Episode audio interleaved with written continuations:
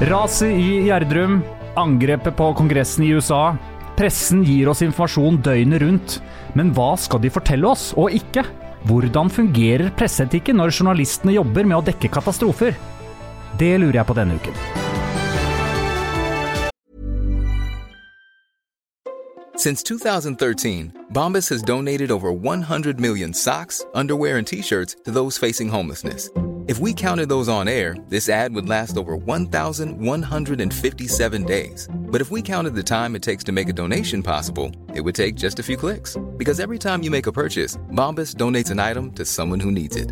Go to bombas.com slash ACAST and use code ACAST for 20% off your first purchase. That's bombas.com slash ACAST, code ACAST. Hiring for your small business? If you're not looking for professionals on LinkedIn, you're looking in the wrong place. That's like looking for your car keys in a fish tank. LinkedIn helps you hire professionals you can't find anywhere else, even those who aren't actively searching for a new job but might be open to the perfect role. In a given month, over 70% of LinkedIn users don't even visit other leading job sites. So start looking in the right place. With LinkedIn, you can hire professionals like a professional. Post your free job on linkedin.com slash people today. Nå sier vi det i kor. Én, to, tre. Godt nyttår! Føles litt rart å ha den eh, gladnyttår eh, rett etter den introen min der. Men ja, øh, ja, for det har jo ikke egentlig vært så veldig godt nyttår til nå. forferdelig! Men det må være lov for de som har det bra, å ha det bra. Ja da. Og så må vi det- Mm. tenke på de som ikke har det bra. Den kontrasten den må vi liksom ikke gjemme bort. Vi må, ikke, vi må, vi må være glad. Men det er jo ikke til å stikke under en stol at alle gleda seg til 2020 skulle være over, så skulle vi liksom starte med Ja, jeg er enig. 2021, og så har det starta med tre eh, ganske store kriser, på, en- Mm. på en måte. Både i USA, på Gjerdrum, og en ny lockdown, Ja. nærmest. Det har ikke vært noe god start. Nei. Dette du hører på nå, er Tut og mediekjør med Eva Sandø? og Svein Tore Bergestuen. Eva Sandum, for nye lyttere. Du er altså den som vet alt om presseetikk. Ja, du sier det. det Ja. ja. Du, er du ikke komfortabel med det? For et ansvar. Ja. For et ansvar. Jeg tror du skal bare hvile i det. Det, du, du, det er jo din eh, styrke. Ja da, du du har jobbet mye med det. Vi hadde en prat på vei hit om at det er litt sånn kvinnegreier. Det er sånn at Vi liker ikke å liksom blåse opp vår egen eh, Så ja, jeg kan mye om presseetikk. Er du ikke ferdig med det?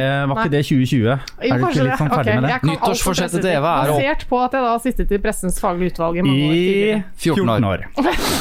Svein Tore Bergstuen, Ja. du har jo jobbet som journalist i eh, mange år. I 20 år i bransjen. Ja, jeg er mann, så jeg er ikke redd for å si 25. Nei. For det er riktig. Ikke sant? Men det er greit. Vært redaktør, og nå er dere begge to eh, kommunikasjonsrådgivere. Det er riktig. Ja, flott. Jeg heter Christian Lide Marstrander. Artig. eh, artig navn. Ja, jeg syns faktisk at Christian Marstrander er et artig navn. I Ja. hvert fall når du tar med lyder. I Ja. og med at du driver med lyd, så syns jeg det, det var det jeg mente var artig. Det, jeg liker det. Det er et eller annet her. Det stemmer, på en måte. Ja. Ja. Uh, Tut og mediekjør, uh, for deg som ikke har hørt på oss før, er altså en podkastserie som uh, graver seg bak nyhetsoverskriftene du leser hver eneste dag. Og bak der så finnes det jo selvfølgelig historier, journalistisk håndverk, en haug med etikk eller ikke. Vi ønsker eh, å vise frem alt dette til deg, så du kan skjønne litt mer hvordan nyhetene blir til.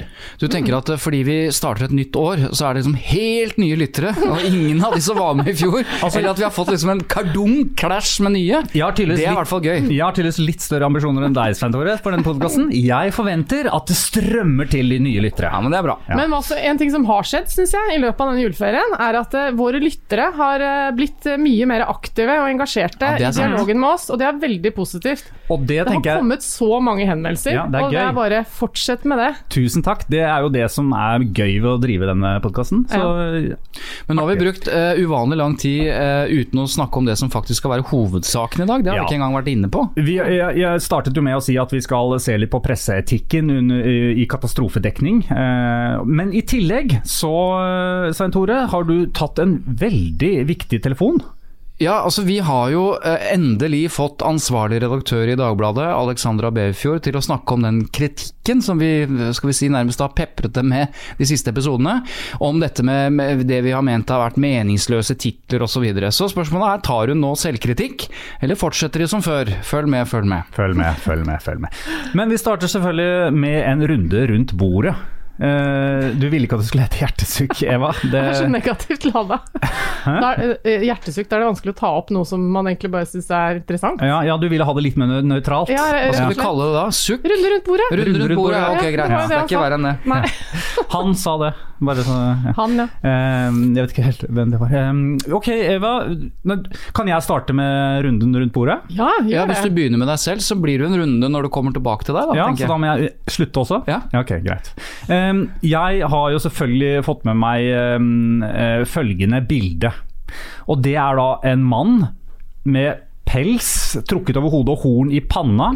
Eh, som da kommer løpende inn i en sånn korridor. Eh, det, dette er altså Kongressen altså Det er jo helt utrolig at man sier disse setningene. Kongressen i USA er altså, ble angrepet av Trump-tilhengere. Og eh, personen, mannen som jeg nå refererte til, eh, er blitt identifisert som Jake eh, Angley. Og, han er eh, også kjent som eh, Q-Anon-sjamanen. Som, som, eh, og det var han som ledet Trump-mobben.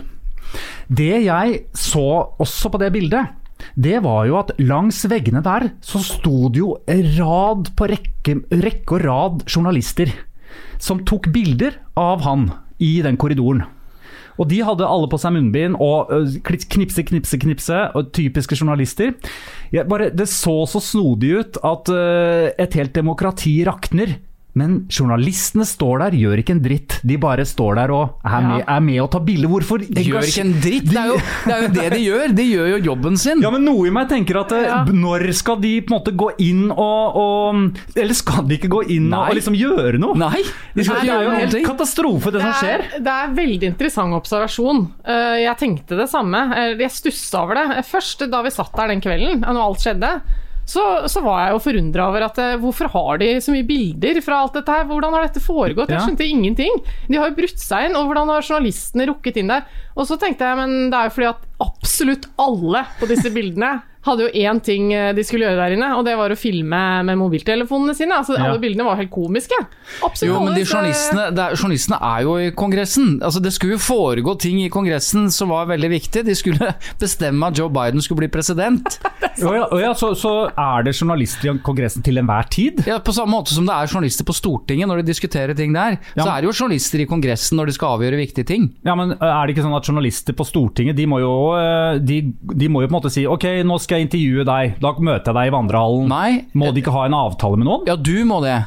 Men medlemmer av Stortingets presselosje, som det heter, de går inn og ut av Stortinget akkurat som de vil. Som det skulle vært sin egen eh, arbeidsplass. Ok, Og hvem er medlem der, da? kantina og spiser lunsj og sånn. De, de som søker om å bli medlem av Stortingets presselosje, altså de har sin arbeidsplass som politiske journalister, da har de til og med rabatt i kantina. Aha. Jeg vet ikke om det har de, har det i Kongressen, men altså, eh, i et politisk hus, eh, enten det er i USA eller i Norge eller der nasjonalforsamlingen er, så er det jo altså ikke regjeringskontorene.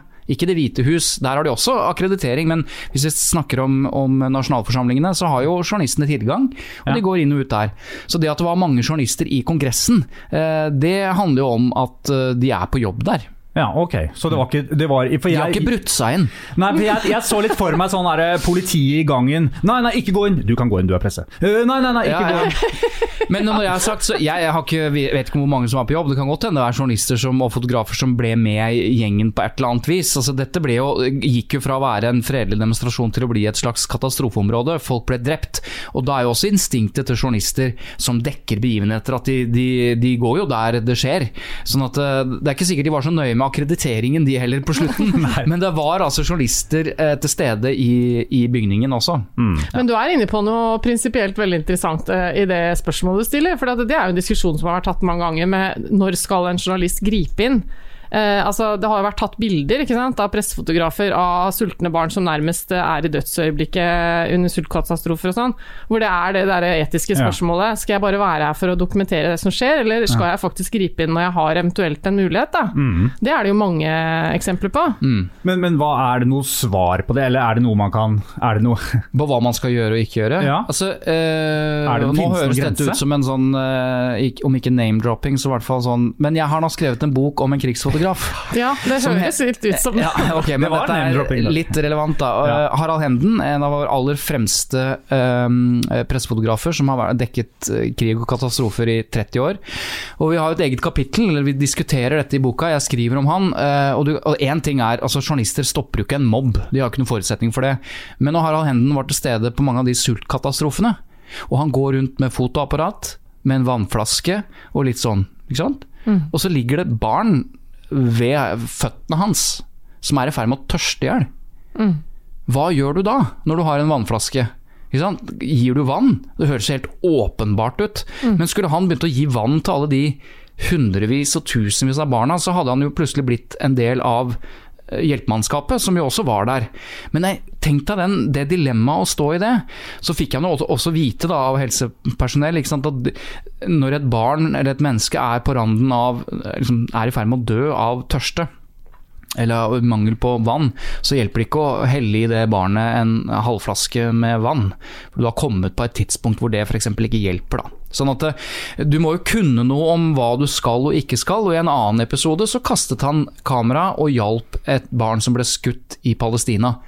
Da la han vekk jobben som krigsfotograf, bar dette med, gjorde førstehjelp på barnet, bandasjerte, bar det inn i ambulansen som pressefotograf. Ja, for det, akkurat det fra Gaza har man hørt ganske mange eksempler på. Ja, det er en på. video fra det han gjør det. Så det er klart at dette er ikke svart-hvitt. Men spørsmålet ditt om i Kongressen, hadde jeg vært journalist i Kongressen og så disse gærningene komme, så tror jeg jeg hadde overlatt det til de som hadde skytevåpen. Ja. Ja, det var faktisk et klipp som gikk på repeat på TV på onsdag kveld. Eh, av en av de politimennene eller vaktmennene som sto inne i Kongressen der. Han så jo livredd ut. Han så ut som han var Mm. Ja, han på ble gråten. jagd. Det er ikke rart. Altså, han hadde jo ikke noen forutsetninger for å være forberedt på det som skjedde der inne. Men så er det jo, har det jo vært i all denne katastrofen litt humor. Eh, altså, vi har jo noen veldig dyktige skal vi si, observatører og humorister i Norge på Twitter som har, har også lagd noe humor av dette. Det må vi også tåle, og, og det, kanskje er det litt fint oppi det hele òg. Men det er et bilde, ikke sant, at når det kommer inn i en, den, en av de store salene i, i Kongressen, så er det sånt du vet sånt fløyelsbånd eller sånn sperrebånd som henger i sånne buer Ja. i rødt og Ja, gull. ja, ja. Museum. Museumssperrer som går gjennom hele. Og hele den troppen med gærninger og horn i panna, eller hva de hadde, de går Ja. akkurat innenfor de sperrebåndene. Og da skriver Niklas Baarli, som er eh, Ja, dere kan slå opp hvem Niklas Baarli er, de som kjenner han. En programleder. Komiker. Programleder. Så skriver han bryter seg inn Kongressen, men de sperrebånda der, de kødder ikke med. Nei, så Og det. det det syns jeg er utrolig gøy, morsomt observert. Ja, ja. En annen ting som jeg også bare for å eh, koble litt på det. Altså, det, var, det var også litt sånn Når man endelig får, oppnår det målet som de hadde helt klart, å eh, angripe Kongressen, gå inn, og så er de der plutselig. Men så, hva gjør man da? Ja, Da tar du med deg en talerstol og setter deg på kontoret og tar bilder av deg selv. Da, Ja, litt sånn, sjekker, tar en kopi. Sjekker, altså, hva, de, de, virk- de hadde jo ikke noen plan, ikke sant? Nei, helt så, så det var bare sånn Oi, vi kommer visst inn, vi. Vi Ja, har jo ikke og, noe og det er nok det teateret der, eller den kontrasten mellom disse idiotene som står der og tar liksom bilder av seg selv eller tar med seg noen suvenir, eh, sammen med at det blir skutt og drept eh, et menneske der inne. Eh, dette viser seg å være en kvinne som var en eh, som var eh, demonstrerte og ville inn og var helt i fronten, og ble skutt av sikkerhetsvaktene eller av Capitol Hill-politiet. Eh, det er utrolig alvorlig, og det mest alvorlige har vi ikke snakket om. Eh, det er hvilken svart dag dette er for demokratiet i, eh, i USA, men på en annen side Men det det har vel norske nyhets- journalister snakket om nå i, i mange dager. Men en Ja, annen ting som vi kan nevne i forbindelse med dette her, er CNN. Ja, Ja, hva, hva vil du nevne da? Nei, eh, det gikk noen rykter om at eh, CNNs eh, journalister og fotografer som oppholdt seg i dette området rundt Kongressen, blant all mobben, da, de hadde fjernet logoen på utstyret sitt. Nettopp Oi. fordi at den gjengen som står utenfor der, de har jo et medie som de hater kanskje ekstra mye, og det er CNN, da. Mm. Og at man må gå til det skrittet og faktisk fjerne identiteten, liksom, som man representerer, for å slippe å bli Altså stå i fare for å bli slått ned, da. Vi det kunne- sier, det, akkurat det der eh, Hvis at de det stemmer. tar- Altså, ja, det vi har stemmer. noe sikre Det stemmer. Vi har, vi, ser, vi har sett bilder av CNN-journalister som ikke lenger har CNN Ja. eh, på mikrofon osv. Dette her, altså i tråd med faktisk nå, nå denne uka, så, så intervjuet Medier24 en del redaktører om hvordan de ser på, eller hvordan de har dekket dette i USA. Eh, og da sier f.eks. TV 2 og Fredrik Gressvik at eh, han har dekket mange kriger og katastrofer og angrep på parlamentsbygninger, men å stå og snakke om de samme sikkerhetstiltakene og gjøre de samme vurderingene på dagtid i USA, det er absurd. Frode Hansen, nyhetsredaktør i, i Dagbladet, sier også at de, de, de forsøker å ikke eh, vise så tydelig at de er presse. Altså ta vekk de typiske kjennetegnene for presse, sånn at de ikke eh, For da er de, de er jo et legitimt mål for den mobben til, til Trump, ikke sant? fordi han uh, har erklært uh, dem som fiender.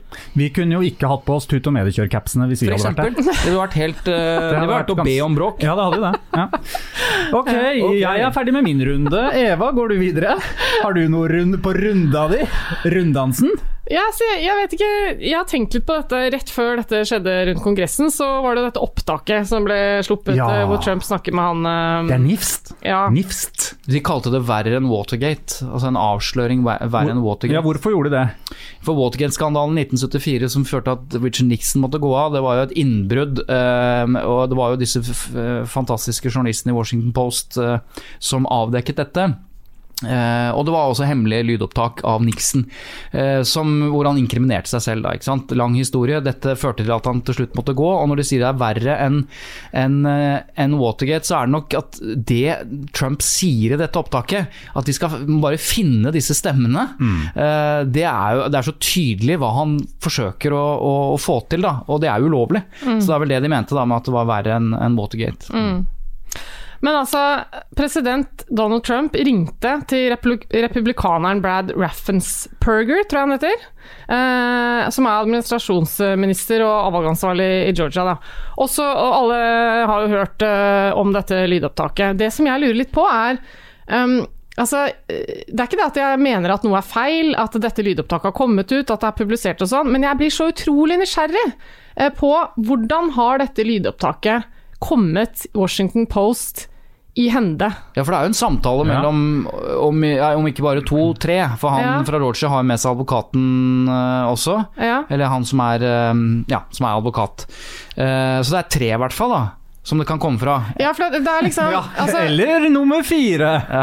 Ja, for det, det, er, det er veldig mye som er interessant her, syns jeg. Det er både juridiske ting, og så er det presseetiske ting. Og det juridiske er jo bare sånn, ikke sant. De som er med i den samtalen, har lov til å ta opp den samtalen. Eh, Det er, det er Nei, sånn er det i. Norge, og sånn, er det vel antageligvis i USA også. Du har lov til å ta opp en samtale du selv er en del av. Og så Ja. kan man jo se for seg at folk som har den stillingen som han eh, i Georgia har, da, ikke sant? eh, Det, er, det er god grunn til å tro at de har rutiner for at alle samtaler med Donald Trump Altså, Alle kjenner til hvordan Donald Trump fungerer. De skal uh, være observert av flere, f.eks. Mm. Og det kan godt hende at de også har rutiner som sier uh, vi må ta opp alle samtaler med presidenten, rett og slett for å beskytte oss mot eventuelle anklager i ettertid. Altså, det, er, det, er, det er ikke noe rart å se for seg at de har sånne rutiner. Absolutt alle som jobber i kjølvannet av den amerikanske presidenten. Så det at det blir tatt opp er en ting. Og så er det jo eh, eh, hvordan det har kommet til avisen. Enten er det jo fra dette opptaket som noen har gjort av rutine og lekket, eller så er det jo avlytting fra noen. Og uansett så er det da en anonym kilde som har uh, sørget for at Washington Post får dette opptaket. Og det kan Og jo det være vet ingen. Det kan jo være altså Dette opptaket Det er nok antageligvis eh, rutine på Dette vet ikke jeg, dette burde vi sikkert ha sjekket, men at det blir tatt opp alle telefonsamtaler som presidenten i USA gjør ut, at det tas opp også i Det hvite hus. Og nå er det jo, i lys av det som har skjedd, mange som har sagt opp allerede, som har sikkert ventet på at nå må jeg komme ut av dette galhuset. Det kan jo være noen i kretsen rundt Trump også, Ja, ja, ja. som har lekket Så, eh, et opptak ja. Mm. fra Det hvite hus, f.eks. ja. Men, men eh, jeg lurer på da sånn eh, Fordi jeg har jo lært Det må jo ha vært av dere, kanskje, da. Men eh, eh, Ja, eh, men det er jo det at ja, du kan ta opp et opptak eh, når, hvor du selv er delaktig, men i det øyeblikket du publiserer det, så må du jo be om tillatelse fra de andre, ikke sant? Ikke Nei, nei, nei. Å nei. Nei, det hadde da vært ryddig. Det har jeg vært lært av dere, men ja, ja, men det hadde jo vært lært feil av dere. for så vidt, hvis det var et uproblematisk opptak. Eh, Men dette her er jo opptak som vi karakteriserer som samfunnsmessig svært stor betydning. Ja, ok, Ja, så det altså- går en skille der. Ja, Eller- Hvis vi tar utgangspunkt i norske presseetiske regler, da, som er, i det, på dette feltet er ganske likt for pressen eh, også i USA, så er det jo sånn at eh, skjult kamera og mikrofon, eller falsk identitet og alle sånne ting som gjør at du opererer på, I mørket. i mørket. Eh, det kan brukes i unntakstilfeller, og da er forutsetningen at det skal være at du avdekker forhold som er av vesentlig samfunnsmessig betydning. Ja, og hvor dette er den det eneste muligheten til å avdekke Ja, eh, dette. Og sånn hvem det- avgjør det? Pressen, redaktøren. Ja, redaktøren. I Ja, det et Washington Post. redaktøransvar. Og uh, poenget er bare det at uh, det er ingen som stiller spørsmål ved at uh, det som blir avdekket i denne telefonsamtalen uh, som foregår mellom Trump og valgansvarlig i Georgia, er av så stor betydning at, uh, at det liksom er noen som lurer på om det var riktig å publisere det. Det er mange som vil hevde at uh, hvis du på en eller annen måte uh, sitter med denne informasjonen, eller sitter med dette opptaket, så bør du til og med føle et ansvar for å faktisk gå ut med det. Fordi, Fordi det er så ja. uh, utrolig alvorlig. Altså, det er jo riksrettmateriale, ikke sant, mener jo mange. Så, så det, er ikke, det er ikke det jeg lurer på. Men jeg syns bare det er litt sånn overraskende at det ikke blir diskutert mer sånn Hvem er det som har denne interessen for å liksom lekke ut dette, og ikke sant. Er han i Georgia egentlig Altså, det er bare Ja. når det, Så- Dette er så alvorlig at alle bare aksepterer Ja, at uh, liksom det er et opptak der, det, og det er ingen litt, spør liksom det er jo litt Alle er egentlig sånn bare glad for det, Ja. uten å ja. til, til en, eh, altså, det lekkes jo fra samtaler som veldig få har vært en del av, også i norsk politikk. Og det er også litt av det samme. La oss si det er tre politikere da, som har vært til stede i et møte. Og så sitter VG f.eks. og siterer ordrett fra det møtet. Hvis ikke det møtelokalet er avlytta, så må det jo være en av de tre som har gitt den informasjonen. Ja, det er jo liksom samme Ja. situasjonen som her, på et Ja. vis. Men, eh, og da, er det, da syns jeg alltid er interessant Den ene som har lekket dette, har bra Han bør ha lav puls når han gjør dette her, fordi det er jo eh, De begynner å se på hverandre. Hvem er det som har lekket dette her? Og Ja. Sånn er det jo her òg. Ja. Men her er det som du sier, helt naturlig at eh, noen forteller om, eller viser dette opptaket, eller lekker dette opptaket. Men, Men men, dette handler jo da om kildevern, i fall det ikke var kjempetydelig. ikke sant? Og det som jeg syns er interessant med denne situasjonen her, er at uh, kildevernet altså Når Washington Post sitter med dette, så kan det godt hende at han uh, Hva han heter igjen? Han fra Georgia? Han eh, Raffensperger. ja. Eh, det kan godt hende at han eh, egentlig føler seg så forplikta når han har hørt dette, at han bare går helt åpent til avisa osv. Uh, og så kan det godt være eh, avisens vurdering at eh, nå må vi eh. Iverksette kildevernet eh, og sørge for at vi publiserer dette. Dette vet jo ikke vi, ikke sant? men sørge for at han beskyttes. og Derfor så liksom publiseres det hele uten noe sånn der Det står ikke at det, eh, vi har fått tak i dette opptaket. Det står liksom ikke Eller vi har tatt dette opptaket, eller vi har Nei, hva fått står det da? Nei, det er liksom bare publisert. publisert. refererer til her er opptaket, samtalen Og det kan jo være av hensyn til altså, For eh, Det er jo heller ingen andre medier som driver og graver i dette. og Det er det som er mitt spørsmål. At jeg er sånn overrasket over at ikke flere er nysgjerrige på det. Men grunnen til det kan altså være at alle er liksom enige om at det, dette er så alvorlig at det er ikke noe vits å liksom Nei, og så er det jo ingen andre eh, medier heller som er interessert i å starte den kildejakten. Nei, det er akkurat det. ikke sant? Det er underforstått. Da er man enig om at dette her er eh, viktig, så ja. Ja. Men, men jeg bare lurte på, Svein Tore, du har jo vært på begge sider av bordet her. Du har jo vært uh, rådgiver i Arbeiderpartiet. ja. Uh, du har vært journalist, eh, så du har jo og intervjuet politikerne. Men um, har du et inntrykk av at, um, av at disse lukkete samtalene, Uh, uavhengig av på hvilken side av bordet, har du hatt noe inntrykk av eh, lekkasjeproblematikken? Har du kjent det noe på kroppen? Ja, Det har jeg ikke lyst til å liksom, si noe konkret om, annet For det er så jeg- mye lekkasjer at det, Nei, men det er du som er lekkasjen! Ja, generelt sett så kan man jo si at eh, det er alltid en utfordring. Og det, det å holde styr på viktige dokumenter, hvem er det som har fått hva, eh, hvem er det som snakker sammen, eh, ikke sant. Sånn at det, det vil alltid være en slags urolig eh, stemning i, i ethvert enhver organisasjon og hvert parti hvor det foregår eh, viktige ting, da, og hvor mange har ulike interesser. Eh, så det er ikke fritt for at man skuler litt på hverandre innimellom når, når man oppdager at Dagens Næringsliv plutselig sitter med strategien som du snakket om på forrige møte. Ja. For da er det noen som De har jo fått tak i det på en eller annen måte. Ja. Så det er jo en, det er ikke noe lett eh, det er ikke noe lett greie, det der. Men Det skal jo også sies at en del av en sånn typisk beredskapsplan for en stor aktør som jobber med sensitive ting, handler jo ofte om hva er vårt svar hvis Når dette lekkes ut. Mm. Ikke sant? Ja, Så det er ikke en sant. ganske sånn vanlig ting man forbereder Og på. det må du ha der. Ah, Det må du ha der klar, på en måte. Ja, i, i viktige Står ofte øverst i, i planen ved lekkasje. Hva svarer du da? Ja. Ja. Hva svarer man da? Da sier man dette vet vi ingenting om. Det, det kan man jo bruke bevisst som en kommunikasjonsanledning, og det gjøres jo òg. Og for øvrig legger jeg meg helt flat. Eller det kan jo hende være at det er du som av, av ulike grunner har lekket det. Ja, ikke sant? Og så, svarer, og så svarer du på den lekkasjen du selv har plantet, da. Åh. Nå blir vi veldig konspiratoriske. Ja, ja, men det det er gøy. er, ja, ja. Ja.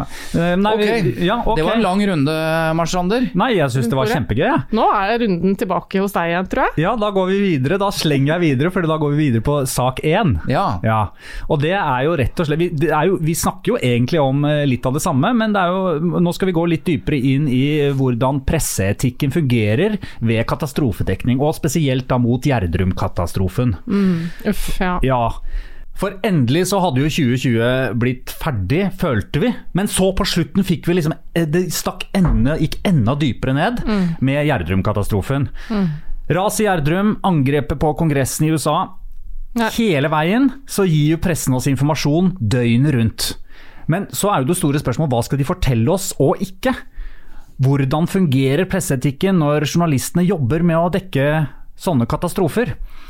Og eh, til Gjerdrum, da. Der var det jo altså dekning 24 timer i døgnet. Og det gjør jo at det hele tiden vil være et enormt behov for å få informasjon. ja. ja, altså informasjon Ja, unnskyld, du skulle stille et spørsmål. Nei, jeg lurte på um, litt sånn Hvordan opplever dere at denne dekningen har vært? Svein Tore. Ja, altså Kort så mener jeg at dekningen har vært eh, god. Ikke sant? Fordi informasjonsbehovet som oppstår i befolkningen når noe så katastrofalt skjer, det er kjempestort. Altså Det er et veldig stort informasjonsbehov, og da snakker vi ikke bare om eh, nysgjerrighet, som vi har eh, av og til snakket om, men vi snakker om behov for å forstå og vite. Katastrofe. Og det syns jeg mediene i sum har eh, tilfredsstilt på en god måte. De har dekket dette. Så eh, og på den andre siden, altså informasjonen fra nødetaten og politiet osv. har vært veldig profesjonell. Faste pressemøter, gi informasjon, de har vært åpne. Eh, En helt annen faktisk type eh, informasjonstjeneste som har blitt levert fra nødetatene enn jeg eh, kan huske å ha sett tidligere. Jeg har lest en kommentar, jeg husker ikke fra hvem. Bernt Olufsen, tidligere Nei, men en annen kommentar som oh, ja. skrøt av liksom at byråkratene har virkelig liksom vist seg frem i 2020. Mm. For det kom jo også frem i, under Gjerdrum-katastrofen, at uh, byråkratene var Altså hun fra NVE og nå husker jeg ikke navnet hennes. ja. uh, de har vært veldig flinke, akkurat Ja, som det har vært Nakstad og ja. proft. Mm. Når jeg sa Bernt Olufsen, fordi han skrev en kommentar om nettopp dette, at han har jo veldig lang erfaring, tidligere ansvarlig redaktør eh, og sjef for VG, som sier han kan ikke huske heller å ha sett liksom, den type profesjonalitet da, på katastrofeinformasjonsleveransene, for å kalle det det. Men, men så kan man jo si, og det kan du kanskje ta over på litt, Eva, jeg vet vi har snakket litt om det, men Ja, det er litt mer Det kler eh, mitt hjertesukk, mitt sedvanlige fordi spørsmålet er om det har blitt for mye. Ja, nei, Ja. Altså, ja, jeg kan godt ta over. For det, det som jeg sitter og tenker, er jo det at eh, liksom, Dette er jo motivert av at vi har døgnkontinuerlig nyhetsdekning på radio og på TV og sånn. Før i tiden, holdt jeg på å si, så hadde vi jo ikke det. Ikke? Før i tiden så skulle ting være klart til Dagsrevyen og Nyhetene 21. Det føles lenge siden nå. ja da, så jeg skal ikke sitte og Men altså, jeg kjenner jo litt på det. For hvis du befinner deg i en situasjon under dette som skjedde etter Gjerdrum-katastrofen, hvor du har på en kanal, en mediekanal, over tid F.eks. sitter på en biltur i mange timer, så merker du hvor, hvorfor dette blir et problem. Fordi at du hører liksom Det bare går og går, de samme tingene. Og da skjønner du også hvorfor mediene har behov for å liksom kreve pressekonferanser eh, så ofte. Og så når pressekonferansen er ferdig, så vil de gjerne ha et eget intervju. Så tenker jeg sånn, ja men herregud, holder det ikke nå at de har stått der i 20 minutter og gjort rede for alt de har å melde? Så skal både TV 2 og VG og NRK be om liksom individuelle, intervjuer etterpå. Så blir man litt sånn Ok, men kan dere ikke liksom bare Men det er klart, den balansen, om det blir for mye eller om man tilfredsstiller informasjonskravet, den er jo vanskelig å håndtere. All den tid dette håndteres av samtlige medier samtidig. Og da er vi tilbake til det som er som du har kalt for eh, press, Presseetikkens blindsone. presseetikkens blindsone. Er det du som har kalt det det? Det er mitt ord, Ja. vil jeg påstå. Og det handler jo om det totale Det er så bra at Svein Tore da skal forklare det. Nei, Jeg ga jo muligheten til å, at hun skulle ta kreditt for det. Ja, vil, altså, Forklar ditt uttrykk da, Emma. Nei, Presseetikkens blindsone er at det fins ikke noen regler som, eh, som kan håndheve det problemet som oppstår med, av totalinntrykket til medienes dekning. Ja, ikke sant. Ikke sant? Er, du kan ikke klage til PFU eller og si at det ble eh, altfor mye eh, med alle mediene til sammen. Fordi all, all klage må jo foregå på konkrete publiseringer, ikke Men- på et helhetsinntrykk. I sum så tror jeg mediene har landet dette bra. Og så vil det vise seg når man ser på dekningen i ettertid, og man kommer sikkert til å se på det, så kan det sikkert finnes unntak og sånn. Og det er klart at vi har, vi har fått et spørsmål uh, fra lytter uh, som knytter seg til etikken i dette. Og Hanne hun, uh, hun sier, så vidt jeg husker har vært diskutert tidligere om hvilke hensyn som skal tas når man intervjuer folk i krise. Ja. Ikke sant? Nå er det dessverre svært aktuelt i forbindelse med det raset. Og hun viser til et intervju gjort av VG. Jeg tror det samme, samme person ble intervjuet av flere medier, bl.a. TV 2. Eh, det er altså en far som, som intervjues ganske kort etterpå, jeg vet ikke om det er døgnet etterpå eller noe sånt, eh, etter å ha mistet i hvert fall De er savnet, både datteren og samboeren. Og når du, har, når du mister to familiemedlemmer, det nærmeste du har, eh, så kan man selvfølgelig stille spørsmål er du da, bør du da la deg intervjue samtidig, for da er det vel enorm sjokk og, og sorg osv. Det er jo, og dette handler jo om Vær varsom-plakatens eh, 3.9. Opptre hensynsfullt i, i det journalistiske arbeidet. Misbruk ikke andres følelser og manglende medieerfaring, uvitenhet eller sviktende dømmekraft. Og husk at mennesker i sjokk eller sorg er mer sårbare. Det står jo ikke der at du ikke skal intervjue dem. Nei, ikke sant. Det står bare at du skal, være, du skal være varsom med det, og du må gjøre en vurdering der og da. Er dette mennesket i stand til å forstå konsekvensene f.eks. av å gjøre et intervju som ses av hele befolkningen? Eh, Eller er han det ikke? Og Det er vurderinger som jeg syns mediene har blitt flinkere på. Da. Eh, Men det er, det er viktig. Eh, Men hun, still, altså Hanne her stiller jo utgangspunktet spørsmål, fordi hun, hun, hun reagerte jo litt på dette, Ja. dette intervjuet, og opplevde at det var et lite overtramp i en feil retning. Ja, og det er nok lett for publikum å tenke at ethvert intervju med et menneske i så dyp krise bør man ikke gjøre. Du, du, det er av og til vi har diskusjoner som handler om at liksom, hva er grafsing i privatlivet, og hva er liksom, når er det du går over privatsfæren og grensen. Og det er klart, når det står en far som har mistet datteren sin, eller vet ikke hvor hun er, i en sånn kaotisk situasjon, så tror jeg de fleste vil tenke at jeg er glad det ikke er meg, for, for, på alle mulige måter, men, jeg, men, men den der følelsen av å, å liksom skulle eh, sette sine egne følelser og sorg på, på liksom, å vise det for hele befolkningen, det er noe, det er noe veldig dypt problematisk ved det. Eh, men det betyr ikke at pressen ikke skal stille de spørsmålene og intervjue de folka, for noe av den informasjonen er jo også viktig. Det å menneskeliggjøre tragedien, da, f.eks. I forbindelse med pressedekningen av den Torghatten-flyulykken, hvis dere husker den. I, det er jo nei, skal vi se. 1988, det er en stund siden. Men det var 36 mennesker som mista livet da. Da oppsto det en debatt om eh, sånn nærgående journalistikk og fotografering av pårørende. Ja. eh, I forbindelse med den katastrofen der. Fordi da fotograferte de pårørende, avbildet. Ja, altså det oppsto i hvert fall en debatt. Jeg husker jo ikke dekningen, for da var jeg ganske ung, men, eh, men det, Nei, men det er riktig det. Det ble en veldig diskusjon rundt Ja. det. Dette var i 1988. Ja, det var det det var. Og etter det så kom da Pressens faglige utvalg, som jeg da senere har sittet i, men dette var før, langt før min tid, eh, med en prinsipputtalelse, for det gjør de noen ganger. Når de, når de ser at her er det behov for noe mer enn de punktene som finnes i det som heter Vær varsom-plakaten, men en uttalelse om liksom, hvordan man forholder seg til f.eks. selvmordsdekning og sånne type ting. Og da ble det skrevet en sånn prinsipputtalelse om eh, dekning av ulykker og katastrofer, og det ligger jo nå til grunn for alle redaksjonenes arbeid eh, når de jobber Dette er da i tillegg til det jeg leste fra, fra liksom selve Vær varsom-plakaten. Og hva er det da? Og det viktigste kanskje man kan ta ut uh, som er relevant for Gjerdrum-katastrofen, er det her. Ved større ulykker og katastrofer har mediene et klart informasjonsansvar og en åpenbar rett til å bringe reaksjoner på hendelsen. Berørte og pårørende kan imidlertid være sterkt preget av det de har opplevd. Det må derfor utvises særlig varsomhet ved formidling av reaksjoner fra disse, spesielt dersom reaksjonene publiseres direkte og om situasjonen fortsatt er uavklart. Og det betyr jo at i dette, denne situasjonen som Hanne viser til, så er jo dette viktig. De skal være særlig varsomme.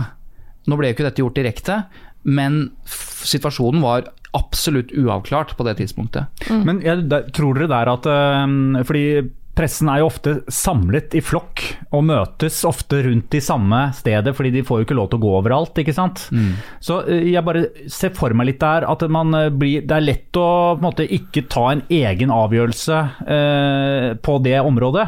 Fordi at du blir litt sånn revet med når du ser liksom de 13 andre foran deg, eh, nye mediehusene og avisene får intervju med den, det offeret eller pårørende, Eh, og så tar du egentlig Men dette er jo egentlig ikke riktig. Men, Ja, og det, det- å ikke komme hjem da med et, med et opptak Det kan du si, altså. Og du har nok rett i at det, det, det gjelder i mange tilfeller. Men samtidig er mitt inntrykk fra det siste året at man har sett veldig mange eksempler på at de gjør ulike vurderinger i hver redaksjon. da. I forskjellige situasjoner. At de faktisk liksom eh, ja. De gjør det, de altså. tar Og det, og det er klart, eh, siden eh, Og jeg kunne lagt til en annen ulykke også. eh, den bussulykken i Måbedalen. Uh, svenske, eh, svenske skoleungdommer som ble drept. Var en forferdelig katastrofe, også vist på, på NRK i ettertid. Når var dette? Dette var også på 80-tallet. Okay. Eh, og Der var det også en diskusjon rundt Der blei jo pårørende tatt bilder av på vei til Haukeland sykehus for å identifisere sine døde barn, og det var grusomme greier.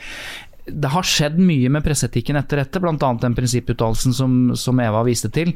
Og Det er sånn at alle eh, Det er ikke alltid de gjør, eh, tar riktige avgjørelser, men alle redaksjoner tar sine egne avgjørelser.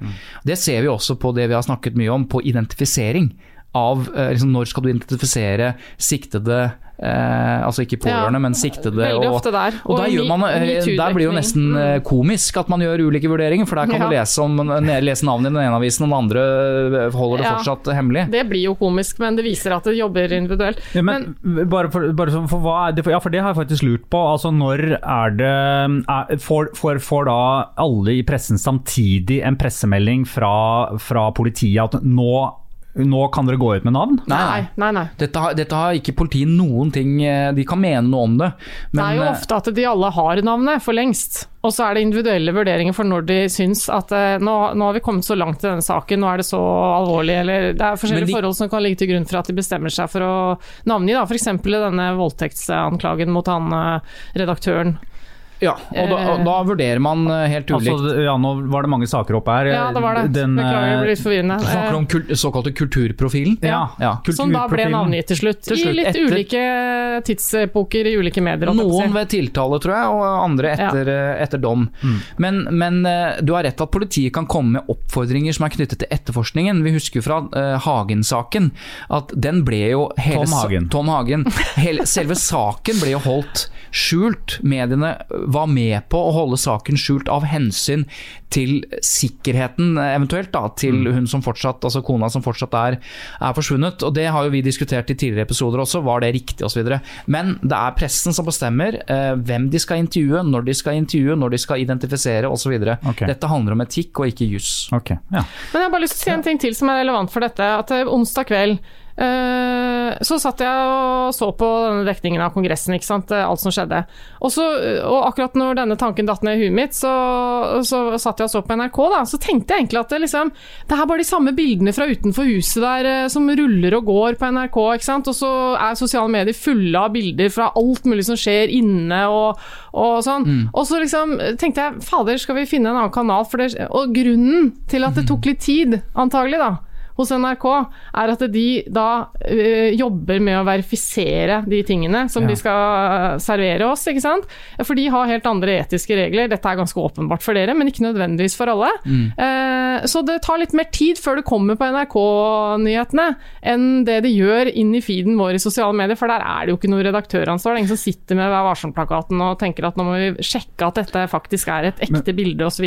Men, men altså når, når eh, alle mediene tilbake til 24 timer i døgnet-dekning, så, så må det jo være veldig vanskelig å, veri, å kunne verifisere når du sender live fra Washington eh, konstant. Ja, men altså Det som sendes live fra Washington, det er jo ofte de såkalte billedbyråene. Ja. Altså Hvis du så på TV 2 Nyhetskanalen f.eks., så hadde de lagt ut feeden, som det heter, altså videofeeden, som legges ut av Og det kan de koble seg på, enten det er eh, altså ulike billedbyråer, da, eller om det er Reuters eller, eh, eller hva det er, eller Washington Post, eller, som kan ha ha direktesendt. Så de kobler seg på. Altså TV 2s kamera var jo på Fredrik Gressvik en del kvartaler unna, for ville ikke stå midt oppi det. Og så brukte de internasjonale eh, eller amerikanske eh, andre nyhetsbyråer til å feede direkte. Okay. Men utfordringen som Eva er inne på, er jo at da hun ble skutt, hun dama der inne, så så du det kom ulike bilder. Noen var ganske tidlig identifiserbare. Noen var virkelig bilde av henne som lå på båra og gapte og fikk eh, liksom eh, Mm. Og, og hvis du ser bilder i dag, et døgn etterpå, i Nettavisen, så er hun helt anonymisert. Ja, ja. Sånn at det, det er kjempevanskelig eh, når, det, når ting skjer direkte, å vite liksom hvor setter du grensene, men du må i hvert fall ha en forsinkelse på det, på de mest dramatiske bildene. Ikke sant? Det er Ja. fordi det er oversiktsbildene av Kongressen, det, var, det sendte mange live. Ja, og det er jo ikke, ikke sant? Poenget mitt er jo at her kommer det jo også masse bilder inn i sosiale medier, og også Ja. delvis fra de som er til stede blant mobben. Ikke sant? Twitter og Facebook og alle er jo fulle av det. Eh, og da blir jo poenget at her må vi passe på at ikke vi blir lurt også. Mm. At noen legger ut bilder eh, som faktisk ikke er fra denne hendelsen osv. Det er det. Dere, vi går videre, Ja. eh, for vi skal nå snakke om Dagbladets overskrifter. Ja. En gang til.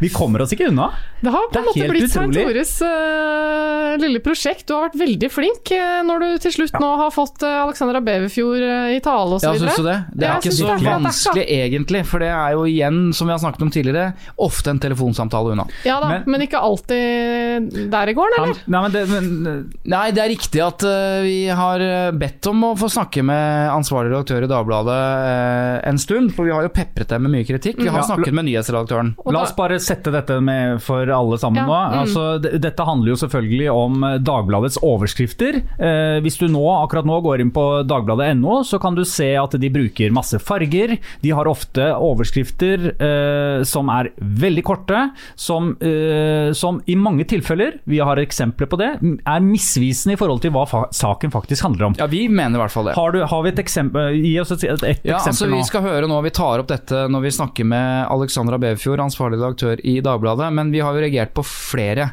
Blant annet eh, denne overskriften som var eh, eh, 'forlenger tiltak til 1.7'. Ja, Midt i en tid hvor vi bare snakker om tiltak og forlengelse av tiltak i koronasituasjonen, så handlet det altså om, eh, om svenske transportregler og folk på lasteplanet. Ja. Altså Det var så fjernt fra det folk trodde Ja, det, det var. Det er ett eksempel, da. ja. Og så var det jo et eksempel eh, som var nå i eh, vi, vi skrev vel en post på Tut og Mediekjør at Dagbladet fortsetter der de slapp. Hvor det var en helt en, en grov, virkelig grov, eh, grovt eksempel. Hvor det var eh, overskrift som handlet om eh, funnet barn. Altså et barn var funnet i en barnekjeledress.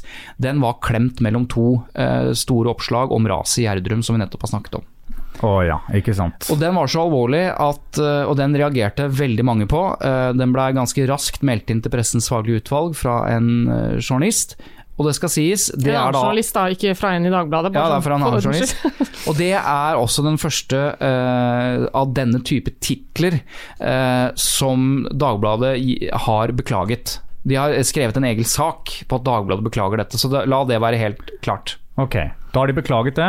Eh, og da Eller hvordan beklaget de egentlig? Hva, hva, hva går en sånn beklagelse ut på? Nei, da, For det første så blir de intervjuet eh, gjerne om dette, fordi det blir så mye protester på det.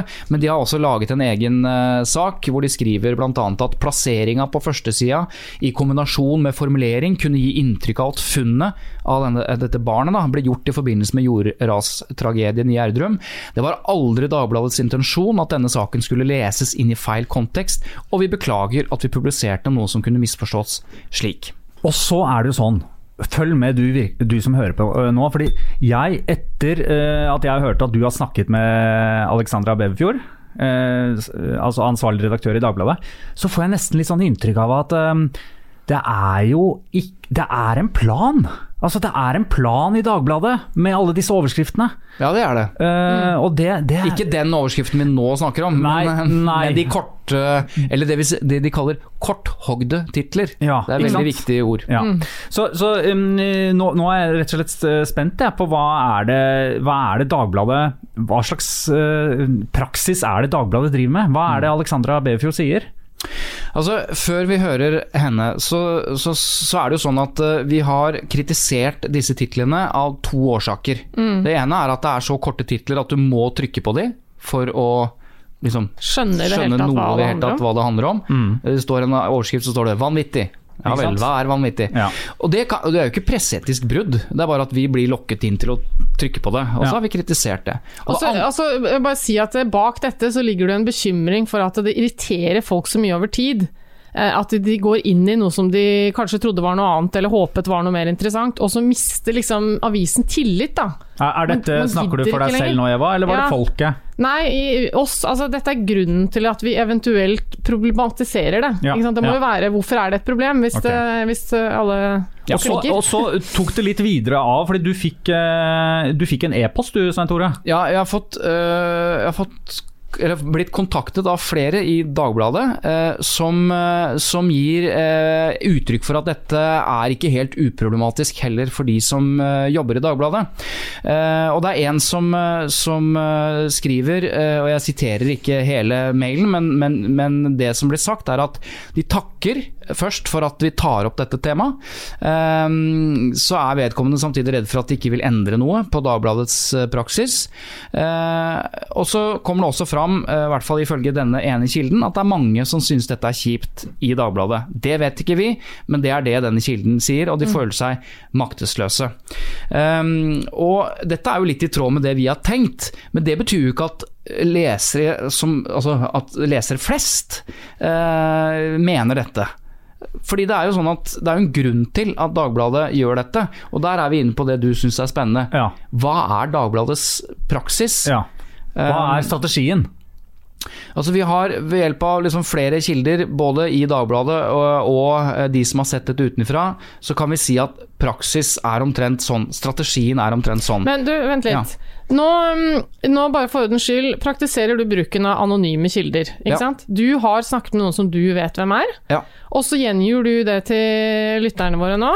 Anonymt, for å beskytte dem. At det er vanskelig for dem som jobber i Dagbladet, å stå frem med denne meningen de har, eh, all den tid de faktisk jobber i Dagbladet. Bare sånn Dette er typisk grunn til å bruke anonyme kilder. Ja, ja, ja. ja. Veldig bra. veldig bra. Det er bra metakommunikasjon der, at vi kommenterer det vi nå er i ferd med å gjøre. Ja. Men det er helt åpenbart at det å uh, gå ut som ansatt i Dagbladet og si at uh, Eller til oss og si at dette her Det er- er en forbanna drit, Ja. det kan også skje. Men Hei, det er bare og at gå på jobb dagen etter. Ja, Hei, ja. hei, tar en kaffe. det kan også skje. Uh, Og vi, hadde vi fått det, så ville vi gjerne brukt det.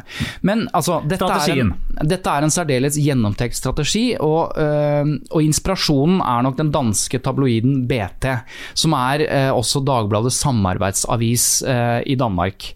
Um, og En periode så eksperimenterte Dagbladet med mange forskjellige farger på fronten, men nå kan leserne se at de er nede på tre farger. Og Det er rødt, gult og svart. Og så er det sånn at denne akkurat nå, eh, som er en sånn Ja. fane, den brukes aktivt fordi Veldig Veldig aktivt, vil jeg si. fordi de merker at det gir økt trafikk. Dette er et grep som hovedsakelig skal brukes på såkalte breaking news, altså det som faktisk skjer akkurat nå. Men man ser også at Dagbladet mener det har potensial, eller i hvert fall at man bruker det også på saker som nettopp er publisert, uten at det er breaking news, fordi de kan bygge ut da, med en sånn stripe, som det heter. Altså er det, stripe da det er akkurat nå står det kolon. Det er Sånn stripen over der, ja. Det Og så er det- virker som det er, er liksom bevegelse, en bombe som akkurat Ja. har eksplodert. Ja, ja, ja. Og så er det sånn at suksess ikke bare skal måles i klikk, som er naturlig å tenke. Det Kanskje lytterne tenker at klikk er det viktigste, men som vi har også hørt fra Dagbladets nyhetsredaktør tidligere, så er det dette her med at eh, man øker, forsøker å øke lesetiden også. Og det gjør man også bl.a. ved å flytte poenget lenger ned i saken. Ja, så Er dette noe du refererer nå som du vet at de har en strategi på? Dette vet vi at det er Ja. en strategi. Ja. Okay. Uh, det å flytte poenget lenger ned i saken Mm. altså, Fordi det er jo sånn Det har irritert meg grenseløst. Når vi sier at, uh, at uh, det- det- hvis det er luretitler, så sier Dagbladet at ja, men se på lesetiden.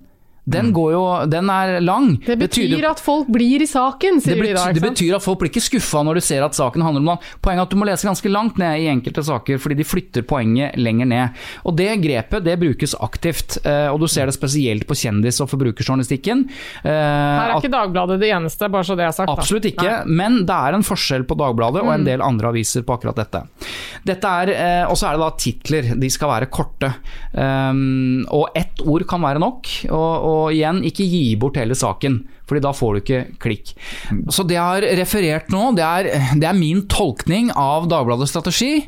Etter å ha snakket med flere kilder, både i og utenfor Dagbladet. Okay. Og så får de jo veldig ofte påminnelser om dette. da, ikke sant? Dette tas jo opp i evalueringer og foraer, og, og, og, det kommer meldinger til ansatte om at de må være bevisste på dette. Og Dagbladet-journalister forteller at det kommer beskjeder fra ledelsen om at, det, at de ikke bare skal ha titler som har noen få ord, men også at disse ordene bør være korte, og at alt som gjør titlene mindre lesbare, det er, liksom, det er ikke bra. Hmm. Eh, og da henvises til eh, matematiske formler og, og forskning på, på lesbarhet, f.eks. at ord lenger enn fem-seks bokstaver, ja, det gjør lesbarheten dårligere. Så det skal være kort. Eh, og de såkalte scrollerne, da, de må jo da Poenget er at det må fanges i løpet av sekunder. Og de er jo bevisste på dette her, fordi de ser det funker. Ja. Mm. Det, det, er det som jeg opplevde som veldig Eh, litt ekkelt var bare at det, de var, det er så bevisst strategi. Ja, og jeg tenker at det, Ja, ekkelt, men eh, dette Jo, men alle, alle, alle, jobber jo for å få solgt inn sakene sine. Uansett, det gjør jo alle med alle sine livsprosjekter. Altså Man må kunne klare å lage en overskrift på noe. Absolutt. Og, og, og, pirre, det er jo det alt handler om. Eh, vi jobber også med det for å lage denne episoden, altså. Mm. Men det at det er så, eh, så strategi på det for å få opp klikkertall og leser... Eh, altså, jo, og hvorfor gjør de det? Ja. Jo, for det gjør at uh, de tjener mer penger. Ja. Og de kan bruke mer penger på det de vil. La oss høre hva Alexandra sier om dette, da. Ja. ja, fordi nå når vi har kritisert Dagbladet så lenge, så er det jo ikke mer enn rett og rimelig å be henne, eh, eller gi henne mulighet til å forklare hva dette her handler om. Eh, så da spurte jeg henne rett og slett eh, bakgrunnen for denne frontstrategien med korte titler og rødt og gult og svart. Vi har eh, De senere årene så har vi satsa mye på moderne breaking news-journalistikk. og Det gjør også at vi har fått en mer fargerik front med flere levende elementer og mer web-TV og korte titler. Og Det har vært en strategi som, eh, som, har gitt veldig god respons hos eh, leserne. Altså Siden vi begynte med dette i 2018, så har vi hatt en en økning på 42% i daglige unike brukere digitalt. Og så har vi hatt en økning på 79% i antall daglige sidevisninger. Og Det er jo ikke bare sidevisningene som øker, men vi ser også vekst i sesjoner og tid brukt. Og Så måler vi også profil. Eh, og vi har Gjennom mange år så har vi hatt en sånn fast tracking. En måling der vi spør et representativt utvalg i befolkninga om deres inntrykk av Dagbladet. og Det vi spør om da er kvalitet og tilfredshet med journalistikken. Og De tallene kan jo svinge veldig fra periode til periode, men hvis vi ser utviklinga år over år, så har vi på denne målinga her de siste tre årene hatt bedre tall enn det vi hadde både i 2017, og 2016, og 2015 og 2014. It's that time of the year. Your vacation is coming up. You can already hear the beach waves feel the warm breeze, relax, and think about work. You really, really want it all to work out while you're away. Monday.com gives you and the team that peace of mind. When all work is on one platform and everyone's in sync, things just flow wherever you are. Tap the banner to go to Monday.com. Hey, I'm Ryan Reynolds. At Mint Mobile, we like to do the opposite of what Big Wireless does. They charge you a lot we charge you a little. So naturally, when they announced they'd be raising their prices due to inflation, we decided to deflate our prices due to not hating you. That's right. We're cutting the price of Mint Unlimited from $30 a month to just $15 a month. Give it a try at mintmobile.com slash switch. $45 upfront for three months plus taxes and fees. Promo for new customers for limited time. Unlimited more than 40 gigabytes per month. Slows. Full terms at mintmobile.com. Så det er ingenting som tyder på at den linja her slår negativt ut for profilen. Og Det kan av og til være litt sånn forskjell på hva folk sier på Twitter, og det som er oppfatninga i befolkninga når vi snakker om mediekritikk. Men det at vi får flere brukere, det gjør jo også at vi kan finansiere mye mer journalistikk. Og I løpet av denne perioden her så har vi også ansatt 25 flere journalister i Dagbladet. Og Det gjør jo igjen at vi kan satse mer på innhold, og bl.a. også satse mer på gravejournalistikk, som har vært et viktig område for oss i de senere år. Så endelig kan Dagbladet ansette flere journalister for å eh, få satse enda mer på enda kortere overskrifter. Ja, eller gravende journalistikk. Eller gravende journalistikk. ja. Det, det, det, altså det er jo ikke noe overraskende. Det er, det er godt å høre, på en måte, at de har en kommersiell eh, tanke bak eh, det som eh, tydeligvis irriterer ganske mange. For Og en kommersiell vært- suksess. Ja, for det hadde vært veldig trist hvis ikke det var sånn at det førte til noe. Eh, Det er jo ingen som er overraska over at dette gjør vi for å få flere for å få, altså, Nei. Men, eh, men det, det er jo liksom, det er så trist, sånn har det vært i veldig lang tid. Det der at det, vi må, vi må hore for å få råd til det vi egentlig er stolt av. Det irriterer meg. At det, det liksom begrunnes med at eh, vi gjør dette. Vi kan se at det er litt sånn eh, litt irriterende, men vi gjør det for å kunne lage bra gravejournalistikk. Men når du sier grave- hore, så må jeg, eh, siden Alexandra da ikke er her, men vi har intervjuet henne Ja. eh, Hun og Dagbladet er, ikke, er jo ikke enige at de horer. Nei, altså nå skal jeg moderere meg litt. For det første, jeg har sittet i Pressens faglige utvalg med Alexandra Bevfjord. Hun er en fantastisk bra Hun var dame. hjemme på røven med Bare deg. så, Og... nei, da, men bare så det er sagt. Eh, Men ikke sant, det må være lov å, å Ja, ja. allikevel Jeg være skjønte litt hva du mente, men jeg kritisk. tenkte Ja, og eh, ordet hore eh, er jo ikke Peker ikke mot henne hvis det var noen i det hele tatt som trodde det, men klikkhoreri. Ja, ja, ja, der kommer det til å bli lagd en, en sak på denne episoden hvor Eva Sandum kaller eh, Nei, Nei, Hashtag klikk. Nei, men jeg bare For at det er liksom det er så frustrerende at uh, alle tabloidavisene liksom eh, stadig vender tilbake til denne forklaringen på det som irriterer oss, som en uh, liksom, begrunnelse for å kunne drive god gravejournalistikk. Men får ikke Dagbladet masse pressestøtte? Eh, jo, men ikke så mye som de skulle ønske, for de får det ikke for Det er en stor diskusjon om Ja. de skal få mer pressestøtte uh, knyttet til sitt pluss ja. plussvirksomhet. En lang, stor annen debatt, selvfølgelig. Men eh, poenget mitt var bare sånn er det, altså, d, d- altså, Dagbladet får jo masse støtte fra samfunnet. Ja, sånn men Det er jo dag. primært en kommersiell bedrift da, som Ja, lever jo av da, at folk klikker Jo, ja, jo og kjøper. Nei, men jeg tenkte på bare Er det noen mulighet for å komme seg unna klikkhoreriet som må til før eh, Som vi kaller det, da. Eller nå, Eva kaller vi, det. Premisset nå til Eva og til det spørsmålet du stiller, er at det er noe galt med dette. Ja, Ja. ikke sant? Så eh, konfrontert med liksom vår kritikk da, Mm. eh, mot titler og sånn, så svarer jo da nyhetsredaktøren i Dagbladet, Frode Hansen, som jeg snakket med før, og Alexandra Beverfjord, eh, som vi hører her, de svarer gjerne at det, det er nettet nevnte Twitter. Det er mediefolk og Twitter som kritiserer, og det er ikke representative for, eh, for deres lesere. Um, men våre lyttere i Tut og Mediekjør som har skrevet til oss, de er jo ikke mediefolk. Så jeg spurte likevel da, hva tror hun er grunnen til at folk faktisk reagerer, folk, om det er mange eller få, eller i hvert fall de vi snakker med, reagerer på titlene og frontsakene i Dagbladet?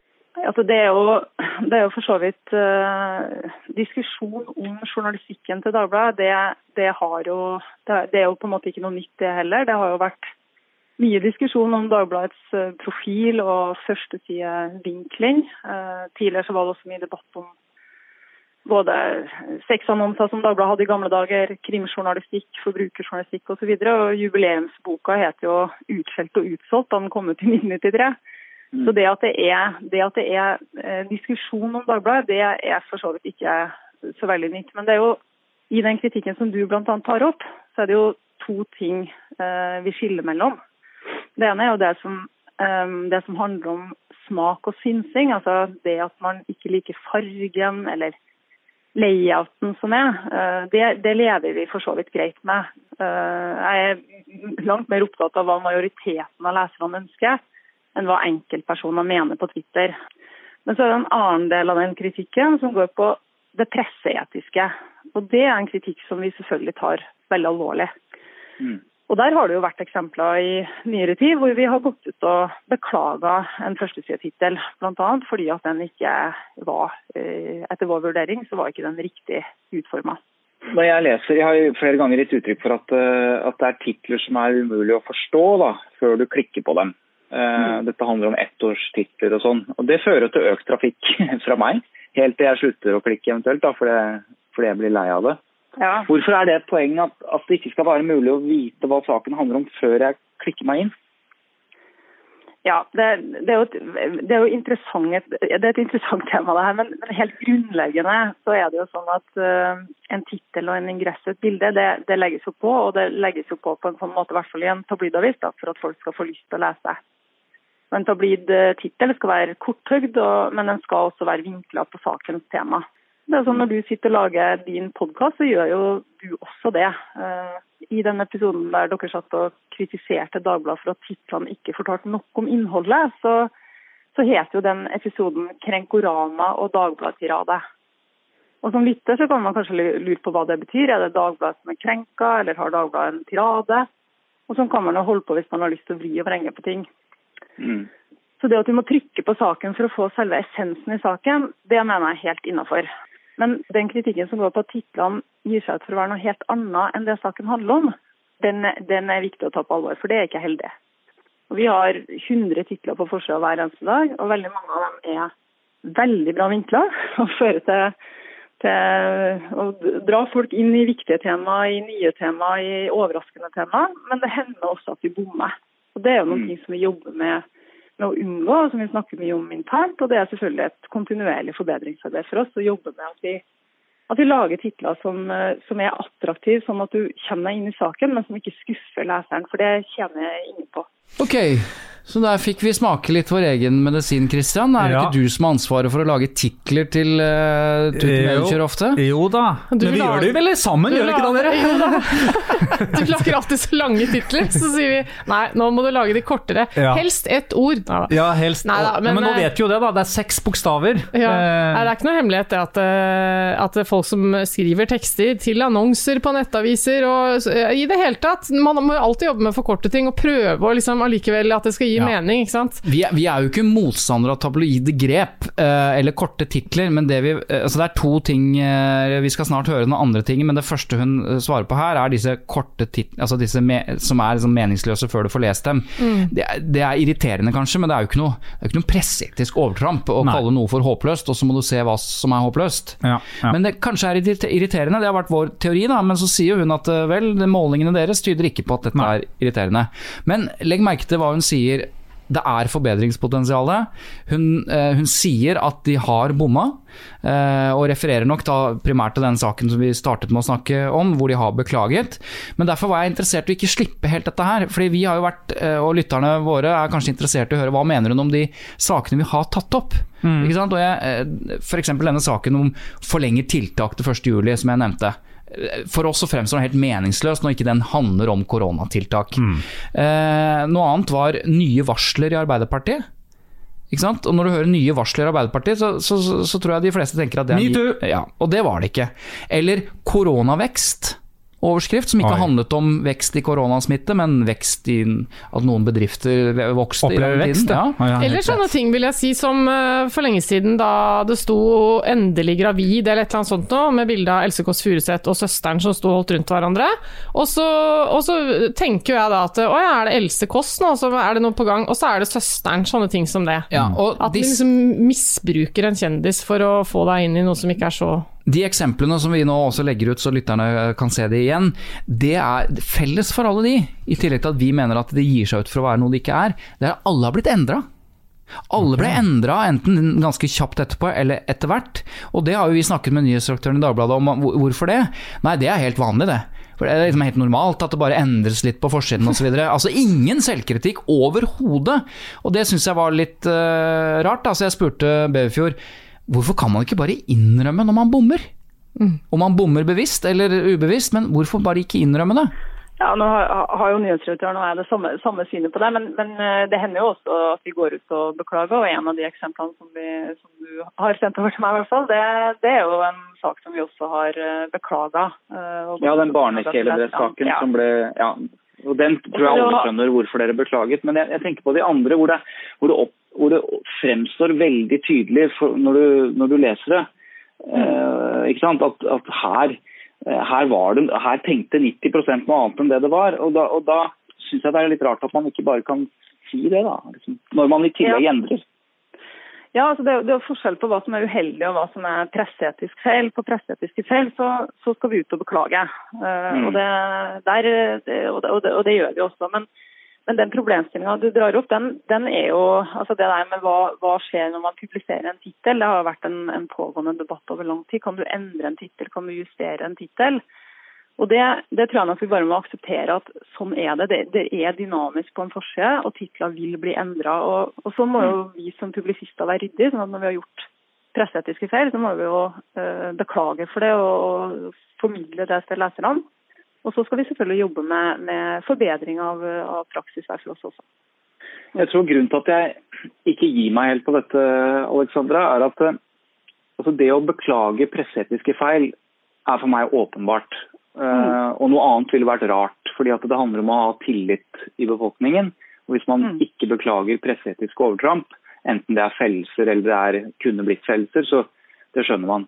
Jeg tror mm. Det som irriterer meg litt, som mediebruker og for vidt, og også som tidligere journalist, er når det fremstår for meg helt åpenbart at man har tatt valg for å få folk til å trykke på en sak mm. som man forstår når man lager den, ikke altså er noe annet enn den utgir seg for å være. Altså Ta f.eks. For forlenger tiltak til 1.7.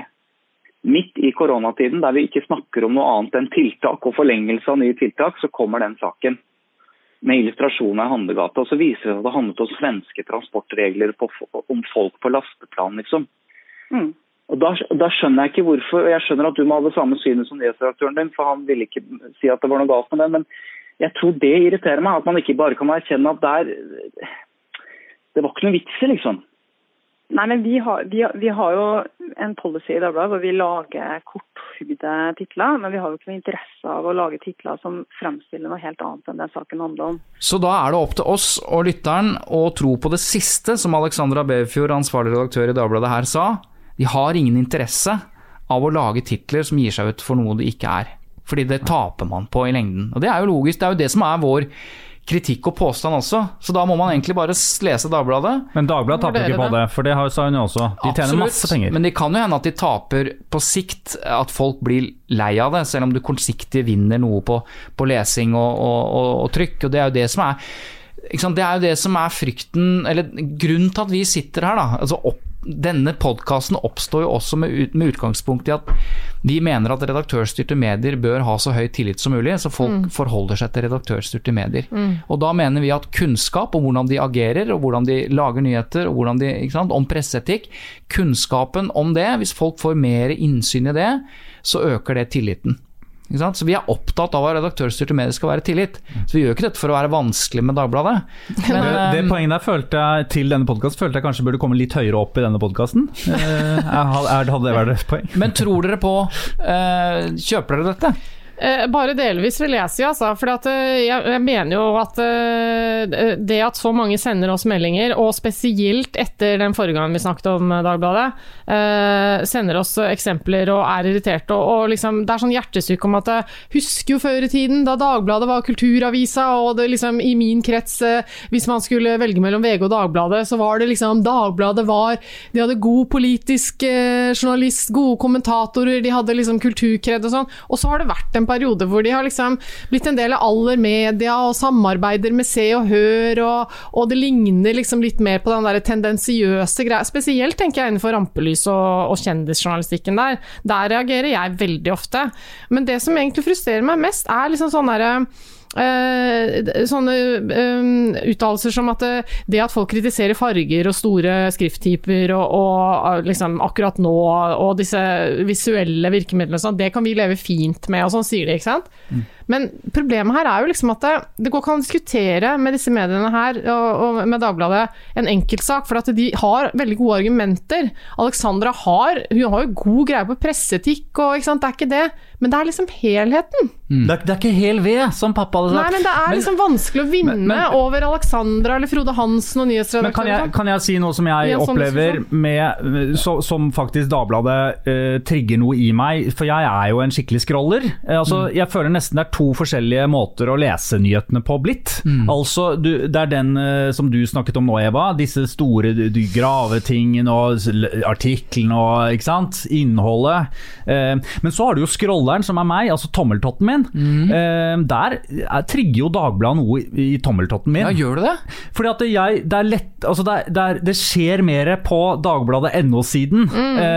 og det gjør at hvis jeg først er i gang med scrollingen, så er det kjapt å gå innom dagbladet.no, fordi jeg vet at det har skjedd noe der. Mm. Eh, Og nå ja. forklarer du egentlig veksten til Dagbladet Ja, med din det egen det. bruk. Mm. Men, det, men det som er uh, veldig interessant, uh, og det, vi vil jo kontrastere dette, fordi det vi har gjort når vi har sett på Dagbladets de eksemplene, er å se hva valgte VG å gjøre. Ja. Og de valgte å gjøre noe helt annet. Både når det gjelder denne funnet av barn i barnekjeledressen, så skrev VG med en gang at dette var Rogaland, og det var liksom helt tydelig at det ikke var ras. Eller en annen sak som ikke engang er nevnt, hvor vi så et sånt eh, sånn influenser-bloggerpar med svart bakgrunn og hvit skrift og stor sånn 'i sorg'. Sto det på Dagbladet. Ja. Dette er jo et foreldrepar. ikke sant? Tenkte verste faen, har de, unnskyld, har de mist, ikke sant? Har det, er det mm. skjedd noe med barna, eller hva? Nei, de hadde mistet hundene sine. Og i VG så sto det 'mistet hundene'. Så det, ja, Vi har liksom lagt merke til at det er en Ja. forskjell, og derfor ringte jeg også til ansvarlig redaktør i VG, Gard Steiro, for å spørre nettopp De har jo gjort noe av de samme vurderingene, eller dvs. Si, lagd de samme sakene, men gjort helt andre vurderinger. Eh, og det er ty tydelig at de har en annen frontstrategi eh, i VG enn du har i Dagbladet. Ja, jeg vet ikke, jeg kjenner ikke Dagbladets strategi i detalj, og disse eksemplene du nevner kan jo selvfølgelig være tilfeldigheter. Men eh, på ett punkt er det mulig at det er en viss forskjell. Eh, og det er at eh, vi ser at VGs front eh, den er jo på en måte et, eh, et koldtbord der folk kan eh, plukke saker de er interessert i. Men den fungerer òg som en form for oversikt over nyhetsbildet for mange lesere. Vil si at de er inne på denne fronten mange ganger i døgnet. Kanskje ikke bare for å lese mange artikler, men for å få en oversikt over det som skjer. Og Da tror vi eh, at det er viktig at disse titlene til en viss grad gir folk nok kontekst og forståelse, sånn at de kan få seg en oversikt over nyhetsbildet eh, ved å bare skanne fronten. Eh, Det er det ene. Og det andre er at vi har jo mange store sakskomplekser gående samtidig. Og da er det viktig for å ikke forvirre leserne at de forstår hva som tilhører de ulike sakskompleksene. Men da kan det hende at dere går glipp av klikk, da, når man får oversikt og ser at dette handlet om et bloggerpar som hadde mistet hundene sine. Så, så gidder jeg ikke å klikke på det, men når jeg trodde de hadde mistet barna sine, så ble jeg jo helt eh, liksom satt ut. Og da klikket jeg jo da. Altså Hvis man bruker den logikken, så går dere jo glipp av trafikk, da. Gjør dere ikke det? Det er mulig, men den type, men det lever vi godt med. Eh, altså Den type trafikk ønsker vi egentlig ikke. Jeg tror at eh, leserne over tid vil både bli eh, irritert eh, og eh, miste litt tillit til fronten vår hvis de klikker seg inn på saker som, de, som gir seg ut for å være noe annet enn det det er. Og Dette tror jeg, dette tror jeg, ikke, dette tror jeg vi og Dagbladet er helt enige om. At det er viktig at, at det innholdet du presser, at Hvis du lurer leserne, hvis du opplever at de blir lurt, så er det en dårlig strategi. Nå ble jeg imponert over deg, Svein Tore. Altså, her intervjuer du Gard Steiro, og du er jo, vi vet jo at du er så tydelig eh, mer fan av hvordan VG har behandler disse overskriftene. Men du sniker inn et kritisk spørsmål. Ja, det var ikke så kritisk når jeg tenker meg om. Men jeg var, jeg, nå var jeg imponert over det Gard Steiro sa, eh, det første han nevnte. For at jeg har sittet her og irritert på meg. Liksom, Fader, det er ikke noe argument eh, for hvorfor ikke Dagbladet skal gjøre sånn som de gjør. Fordi det viser jo at folk klikker. Mm. og de trenger jo annonseinntekter, så de må liksom få folk inn på nye annonser. Alt dette her er jo kommersielt drevet. Men eh, men dette her var jo en veldig god begrunnelse. Altså, det er sikkert helt riktig det, at folk går inn på VGs Jo, men front. legg- Ja, det er god fordi det- du er enig. Ja, nettopp. Og det er, Ja. det, si, det, er, det, det er det jeg skulle si nå. Kristian har et veldig godt poeng. Ja. Eh, det er helt riktig det at eh, jeg har gitt uttrykk for at jeg, eh, jeg har jo brukt eksemplene som VG har. At her får jeg vite hva dette handler om. Jeg blir ikke forvirret, jeg blir ikke lurt. Nei. Så det er helt riktig at jeg liker nok måten VG gjør det på, bedre. Det skal jeg være ærlig på. Eh, og det var kjempeviktig det han sa, at VGs front skal fungere som en oversikt. At du skal liksom kaste et blikk på det og se at ok, det er, det er det som er nå. Men så har jo Christian allerede sittet her og sagt at han liker Dagbladets liksom kjensle av at det foregår ting, og han klikker, og han, ikke sant? Og han har Mm. ikke irritert seg. Han sa til og med for noen episoder siden at eh, nye varsler i Ap, jeg tenkte ikke på at det var metoo. Så i vårt hode, Eva, det er Ja. ikke sikkert alle tenker ja, som oss. Folk er forskjellige. Det er, det Og- det første man må si i Folk- alle sammenhenger. at Ikke bare det. Ikke alle tenker som meg. Ja, det sa du på julaften òg, det er 2020. Ikke bare det, men vi viser jo her på de største tabloidene vi har, Dagbladet og VG, som alltid har vært i, i, i krig. Ja. Det er jo et mangfold her. Ja. Altså, Dagbladet velger å gjøre det på sin si måte, det. Og VG velger å gjøre det på sin måte. Det er jo to forskjellige måter! Ja, Herregud, liksom Skal vi gå ut på vi mangfoldet? Vi går ut på mangfoldet! Vi, okay. Vi kan velge! Vi Ja. kan velge. Du, det var det vi Vi stopper der. Og med det så sier vi rett og slett Nei, vet du eh, hva? takk. Vet du hva? Eh, Jeg har glemt et veldig viktig presseetisk ting. Okay. Fordi, eh, og dette er viktig Ja, bare kjør på, du. Viktighet at uh, er viktig. eh, vi fikk En av de henvendelsene vi fikk fra Dagbladet, som vi uh, snakket om tidlig i episoden, Mm. om hvordan de opplevde dette i Dagbladet, at flere var kritiske til det osv., Ja. det fikk ikke jeg anledning til å spørre Alexandra Beverfjord om. Nei. Det er naturlig at hun får lov til å kommentere, så det har hun nå gjort, eh, og det tar vi med. Ok, Hun sendte det til, til deg nå? Riktig. E-post? Og da sier hun det har alltid vært mange meninger om Dagbladets strategi og retning, både internt og eksternt. Vi har opp mot 140 medarbeidere i redaksjonen, og selvsagt er det ikke alle som er enig i alt. Strategien vi jobber etter har gitt Dagbladet veldig god utvikling, og vi vil fortsette vårt fokus på breaking news, nyheter, sport, underholdning, avslørende journalistikk, også fremover. Sitat slutt. Da er det gjort. Da er det gjort. Og det var Svein Tore Bergstuen som sa. Eva Sandum Ja, hei, ja. Ha det. Ha det, ha det skal du si nå. Og jeg heter Christian Lydemar Strander. Lyder Produksjoner har laget uh, Tut og Medkjør, som er tilbake igjen neste uke. Da kommer vi med en nyhet. Å ja. Ja, Ja, det gjør vi. gøy. Men Ha det. send oss masse saker. Ja, gjør det, da. For, Ja, ja, for gjør det. gjør det. Som vi Gjør ikke det, får tid gjør til å Ja, svare på, men det er greit. Kjempegøy for oss da internt å lese. Internt, ikke eksternt.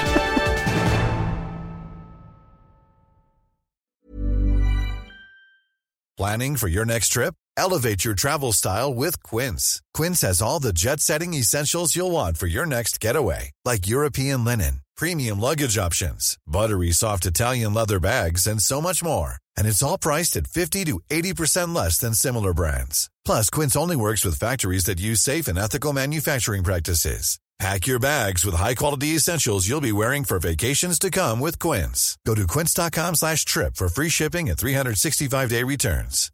When you make decisions for your company, you look for the no-brainers. And if you have a lot of mailing to do, stamps.com is the ultimate no-brainer. It streamlines your processes to make your business more efficient, which makes you less busy.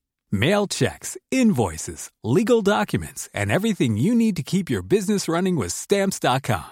Seamlessly connect with every major marketplace and shopping cart. Schedule package pickups and see your cheapest and fastest shipping options from different carriers with rates up to 89% off USPS and UPS rates. And with the stamps.com mobile app, you can take care of mailing and shipping wherever you are. Make the same no-brainer decision as over 1 million other businesses with stamps.com. Sign up with code program for a 4-week trial plus free postage and a free digital scale. No long-term commitments or contracts.